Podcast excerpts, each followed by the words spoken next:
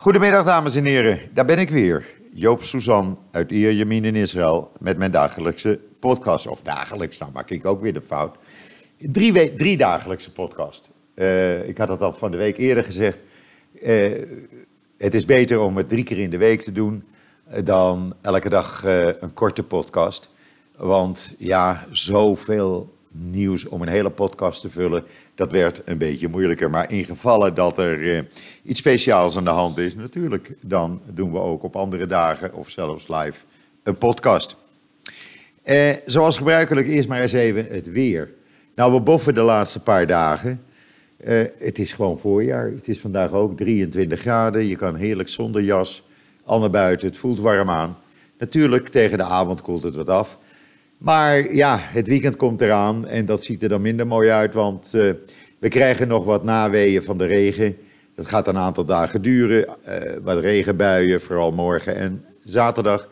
En eh, dat gaat door tot dinsdag, woensdag, waarbij de temperatuur het weekend wat lager ligt, zo'n eh, 15, 16 graden. En in de loop van volgende week weer oploopt. En ik heb al gezien op de weersverwachting dat het na woensdag weer rond de 20 graden wordt. Dus ach, langzaam maar zeker komt die, eh, het voorjaar eraan en gaat de winter weg. Het is natuurlijk wel goed voor het meer van Tiberias, want dat is in jaren, eh 7, 8 jaar, niet meer zo hoog geweest als dat het nu is. Eh moet nog eh, iets van 1,30 meter bij, dan, dan is het meer vol. En dat is natuurlijk fantastisch nieuws. En dat zal eh, misschien heel dicht eh, erbij komen, die 1,30 meter. Want eh, er ligt nog zat sneeuw op de Germon, wat nog moet smelten. En dat stroomt uiteindelijk allemaal in het meer van Tiberias. Plus de regen die we de komende dagen krijgen. Dus we komen echt weer eh, dicht bij een normaal niveau van het meer van Tiberias. Belangrijk voor Israël, belangrijk voor Jordanië. Want via de rivier de Jordaan gaat er heel wat water richting Jordanië. En belangrijk voor de boeren en tuinders in het noorden. Ja, en dan eh, het nieuws. Ja, dat was even schrikken vanmorgen. Er was een aanslag, een terreuraanslag op soldaten eh, afgelopen nacht. Die stonden te wachten bij, eh, op de stoep bij het First Station in Jeruzalem. Het First Station, dat is een oud treinstation. van de trein van Cairo naar Jeruzalem. En dat is in de wijk Emek Rephaim in Jeruzalem.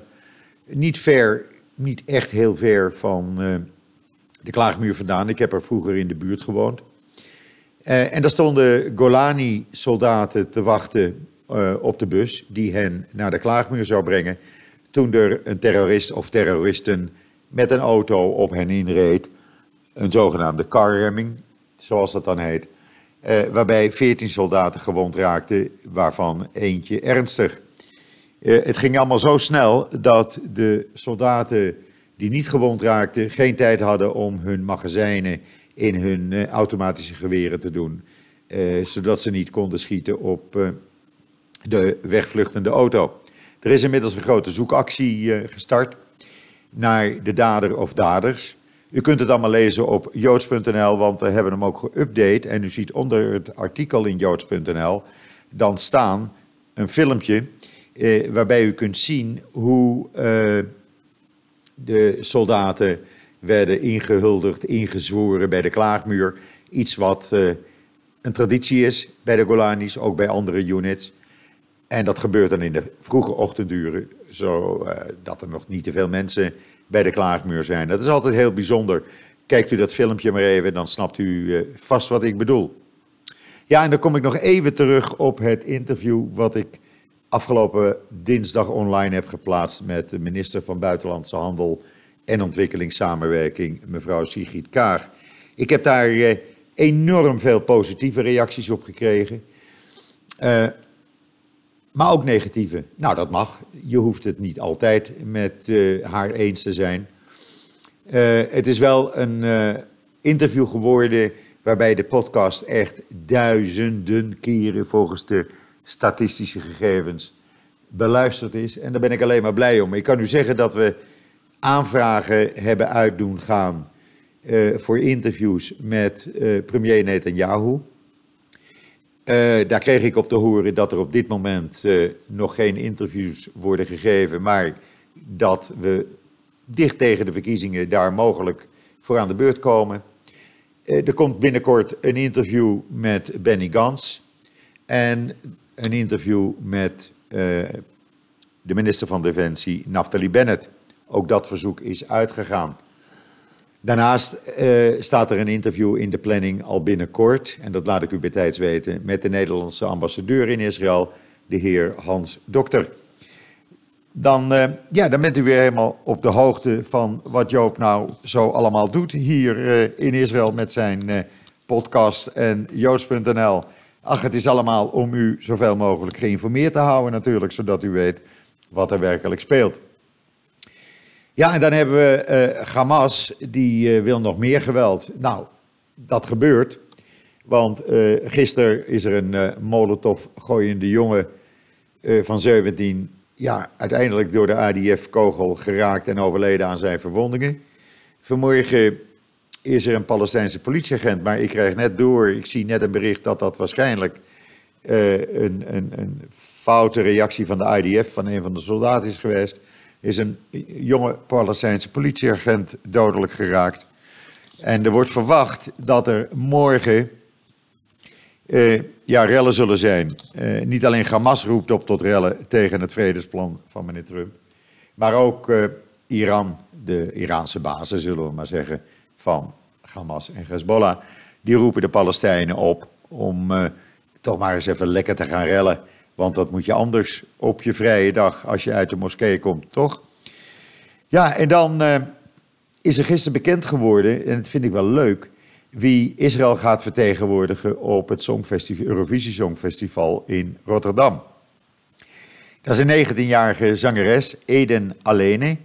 Zij uh, is oorspronkelijk afkomstig uit Ethiopië. Het is voor het eerst dat een Israëlische-Ethiopische uh, het programma The Next Star heeft gewonnen en daarmee het recht kreeg om Israël te vertegenwoordigen op het Songfestival. Ze zit op dit moment in dienst bij de IDF, in de entertainmentgroep. En ze, ja, ze gaat gewoon uh, ja, echt goed tegenaan. Want als je die video's even luistert op uh, JoodsNL, er staan een paar video's in dat artikel. Ja, ze heeft wel een stem hoor, moet ik zeggen. Echt. Ik ja, ik ben geen kenner. Ik ben geen Jan Smit. Maar ja, ze heeft een goede stem. En kan misschien best eens uh, hoge ogen gaan gooien. Het liedje moet nog bekend worden. Dat wordt binnenkort gekozen. Maar als het weer uh, zoiets aparts wordt als uh, met Netta. Ja, je weet het maar nooit natuurlijk. En dan hadden we uit Israël ook nog een uh, ruimtepak in het internationale ruimtestation. Ja, dat is er echt. u kunt dat lezen op joods.nl. Uh, het wordt getest door de bemanning van het ruimtestation, internationale ruimtestation ISS. En uh, uh, ja, het is toch wel bijzonder dat er weer een product uit Israël waarschijnlijk gebruikt gaat worden nu, of wordt gebruikt, wordt getest namelijk, in het ruimtestation. En dan, ja, ik vind het zelf een prachtige column van onze vaste columnist Rob Fransman. Uh, hij noemt het zelf de kolom mooie boeken. Ik heb daar verder, hebben we daar niets aan veranderd. En dat gaat over een boek wat hij onlangs gelezen heeft en helemaal in de ban is geraakt van dat boek. Van uh, de schrijver Jan Brokke en dat heette De Rechtvaardige. Lees het artikel van, uh, of de column eigenlijk moet ik zeggen, van Rob Fransman. Het is een wat langere column geworden, maar ik vond hem echt, ja, je kan haast wel zeggen, het is een boekbespreking geworden, maar dan in de stijl van, uh, van Rob. Echt heel leuk. En natuurlijk hebben we vandaag weer een koosje recept op uh, uh. Kip met provinciaalse kruiden en groenten. En het is echt lekker hoor. Echt met herbs de Provence. Ja, je kan het heel simpel maken. En ja, gewoon eens doen. Ik vind het in ieder geval lekker, want ik heb het ooit zelf uh, hebben het gemaakt. En het is in een uurtje klaar. En dan heb je gewoon iets aparts in plaats van gewoon een stukje kip. Want er zit groente bij, er zitten allerlei uh, kruiden bij, uh, er zitten dus die herbs de Provence bij. Gewoon lekker om eens een keer zoiets te eten. En dat hoeft niet alleen op vrijdagavond hoor, mag het door de week ook. Het is alleen zo dat in de meeste Joodse families natuurlijk op vrijdagavond wordt uh, kip gegeten. Ja, ik weet ook niet hoe dat komt. Maar het werd er bij ons als kind al uh, ingegoten. En ja, dan blijf je dat gewoon doen natuurlijk. En dan op joods.nl een video. Hij is wat schokkend. Als u hem uh, niet wilt zien, kan ik dat begrijpen. Maar op het veelgebruikte en vooral bij kinderen populaire sociale media platform TikTok, daar heeft de Palestinian Media Watch heeft daar een filmpje ontdekt, een animatiefilm van, uh, Palestijns, van een uh, Palestijnse media. Die uh, ja, eigenlijk kinderen laat zien hoe prachtig het is als je Joden doodt. Ja, zo staat het er echt. het roept op eigenlijk tot het vermoorden van Joden. Het is geanimeerd, maar het is gebaseerd, al die animaties, op echte terreuraanslagen. Want zover gingen ze nog. Ja, dan denk ik, waar zijn ze in vredesnaam mee bezig? Want wat heeft dat nou voor zin allemaal? Je gaat toch niet kinderen, eh, onschuldige kinderen, een beetje ja, opjutten om aan markt te laten worden, om Joden te, te, vermoorden? Maar goed, eh, als dat de manier is van de Palestijnse leiders om hun volgende generatie op te voeden, ik ben het er in ieder geval niet mee eens. Uh, dan uh, Ben Gurion Universiteit in uh, de Negev in Beersheba. Die heeft een systeem ontwikkeld, en u kunt dat filmpje ook zien, waarbij zelfrijdende auto's niet in de war kunnen worden gebracht, niet misleid kunnen worden door uh, spookbeelden. Dat gebeurt nog wel eens, dat ze iets denken te zien en daardoor meteen op rem. en dat blijkt dus een, een spookbeeld te zijn wat niet bestaat. Nou, daar hebben ze iets op gevonden. U kunt dat filmpje ook weer zien op uh, joods.nl. Want natuurlijk, met een filmpje wordt het alleen maar duidelijker. En dan uh, in Dordrecht, uh, als u joods.nl leest, dan heeft u dat inmiddels gelezen. Maar er zijn Joodse graven beklad afgelopen zaterdag in Dordrecht. Zelfs de doden, die krijgen van antisemieten schijnbaar geen rust. En het bekladden van graven, hoe haal je het in je hoofd? Laat de mensen rusten, laat ze hun eeuwige rust hebben.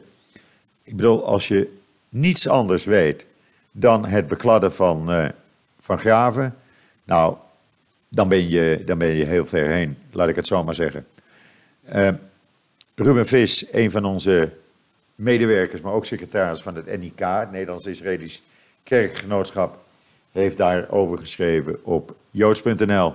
Dus u kunt dat altijd weer terugvinden.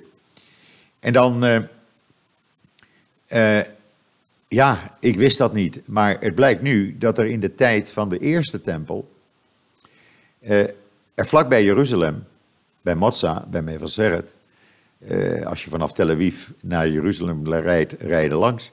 Daar was er een andere grote tempel in gebruik. En dat heeft men nu ontdekt na jarenlang onderzoek. Op joods.nl ziet u allerlei foto's, eh, ook van wat ze opgegraven hebben. U ziet een luchtfoto van het tempelcomplex, althans van de contouren. Heel interessant. Ja, ik vind het interessant omdat ik ook geïnteresseerd ben in de geschiedenis natuurlijk. En ik denk de meeste van u eigenlijk wel. En het is een internationaal project met uh, studenten en medewerkers van de universiteiten van Tel Aviv, uh, Praag in Tsjechië, Osnabrück in Duitsland en de UCLA Universiteit in Californië in Amerika. En men is daar al, ik geloof sinds 2013 mee bezig, dus u kunt nagaan hoe lang al. Maar echt heel bijzonder om dat verhaal eens in het weekend te gaan lezen. En trouwens, voordat ik het vergeet, uh, verleden week zijn we ermee begonnen. Maar uh, hij noemt zichzelf de rabbijn van de Zuidas, en dat is hij ook, Janke Jacobs. Die is verleden week begonnen met uh, de wekelijkse parasha in JoodsNL te zetten. De wekelijkse parasha is het gedeelte uit de Torah wat overal ter wereld op Shabbat, komende zaterdag dus ook, in alle synagoges overal ter wereld wordt gelezen. En hij legt dat dan in uh, leesbaar Nederlands uit, zodat u een beetje begrijpt uh, wat er gelezen wordt op Shabbat in, uit de Torah. En ook uh, morgen komt dat weer online, de parasha, onthoud dat woord. Dan weet u waarover het gaat. Als u parasha ziet staan, dan weet u gelijk. Oh, Dat heeft Joop gezegd, dat gaat over wat deze zaterdag in de synagoge gelezen wordt. En we zijn daar blij mee, want we hadden daar veel vragen over. Van, goh, uh, uh, waarom doen jullie dat eigenlijk niet? En we zijn blij, het is heel veel werk, dat Janke Jacobs dat uh, is gaan doen.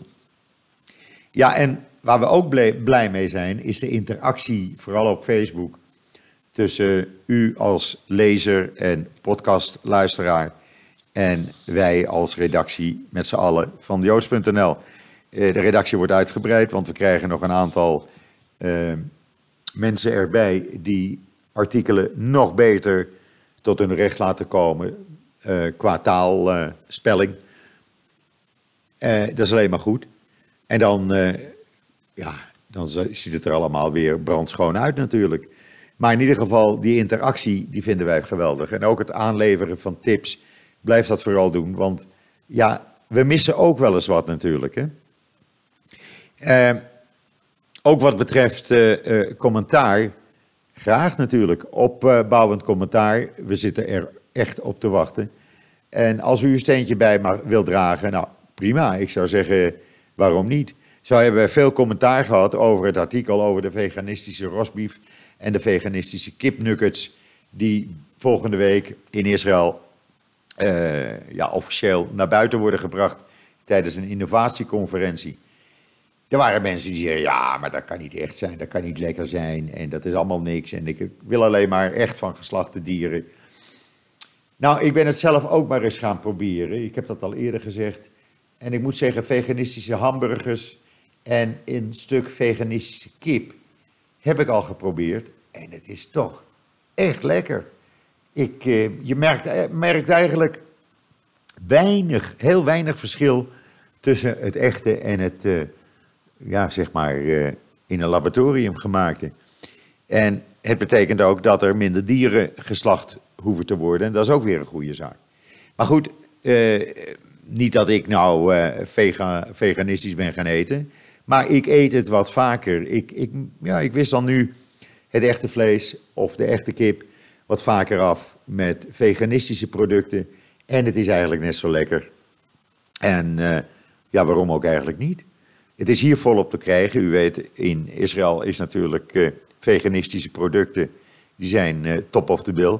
Er zijn over de 400 veganistische restaurants alleen al in Tel Aviv. Wordt wel de vegan hoofdstad van de wereld soms genoemd. En het ene na het andere veganistische restaurant opent en zit altijd vol.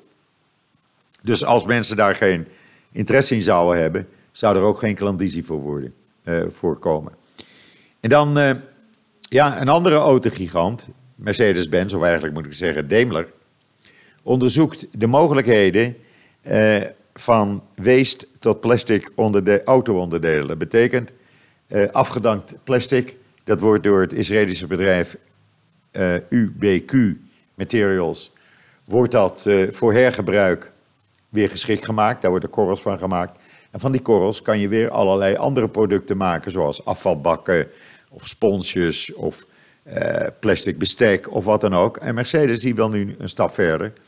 En die wil kijken, die zijn nu bezig samen met UBK, UBK uh, Materials uit Israël, om te kijken of ze dit producten van UBQ nu ook kunnen gebruiken om bijvoorbeeld auto-onderdelen, plastic auto-onderdelen te maken. Bijvoorbeeld voor het interieur of uh, uh, voor andere delen van een auto. Je zou kunnen denken aan de bumpers of de deuren bijvoorbeeld. Je kan het net zo sterk maken en in elke kleur zoals je wil. Er staat een filmpje trouwens bij in dat artikel op JoodsNL, zodat u kunt zien hoe dat in zijn werk gaat. Betekent dat we mogelijk hierdoor van die enorme plastic afvalberg, ja, dit niet af zijn, maar we kunnen hem in ieder geval uh, behoorlijk gaan verminderen, vind ik. En dan uh, blijft dat zwerfafval ook minder in de natuur. En daar is iedereen toch uh, hartstikke blij mee. Ik althans wel, moet ik zeggen. Ja, en dan, wat gaat Joop doen het weekend? Nou, Joop heeft zich voorgenomen uh, het weekend uh, na het huis schoonmaken en wat inkopen doen.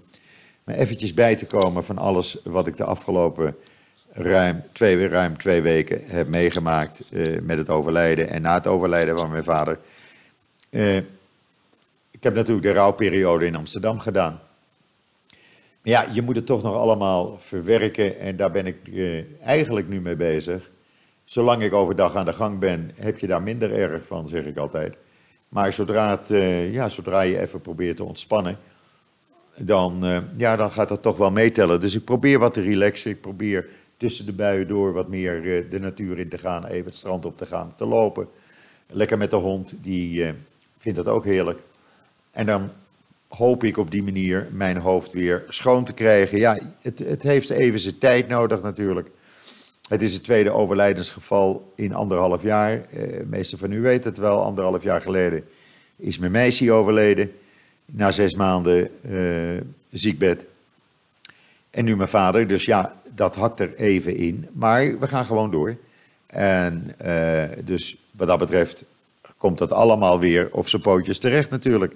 Dus we gaan het even rustig aandoen het weekend. Bij een van de kinderen eten, morgenavond. En zaterdag dan regent het toch. Dus kan je ook wat, uh, wat meer uh, relaxen, wat meer rusten. En als het even droog is, dan een lekkere wandeling maken. Ik, vijf minuten dan uh, lopen, dan ben ik op het strand. Is ook wel lekker. En misschien kloppen er nog wat vrienden aan de deur. Je weet het maar nooit, want dat gaat in Israël zonder afspraak.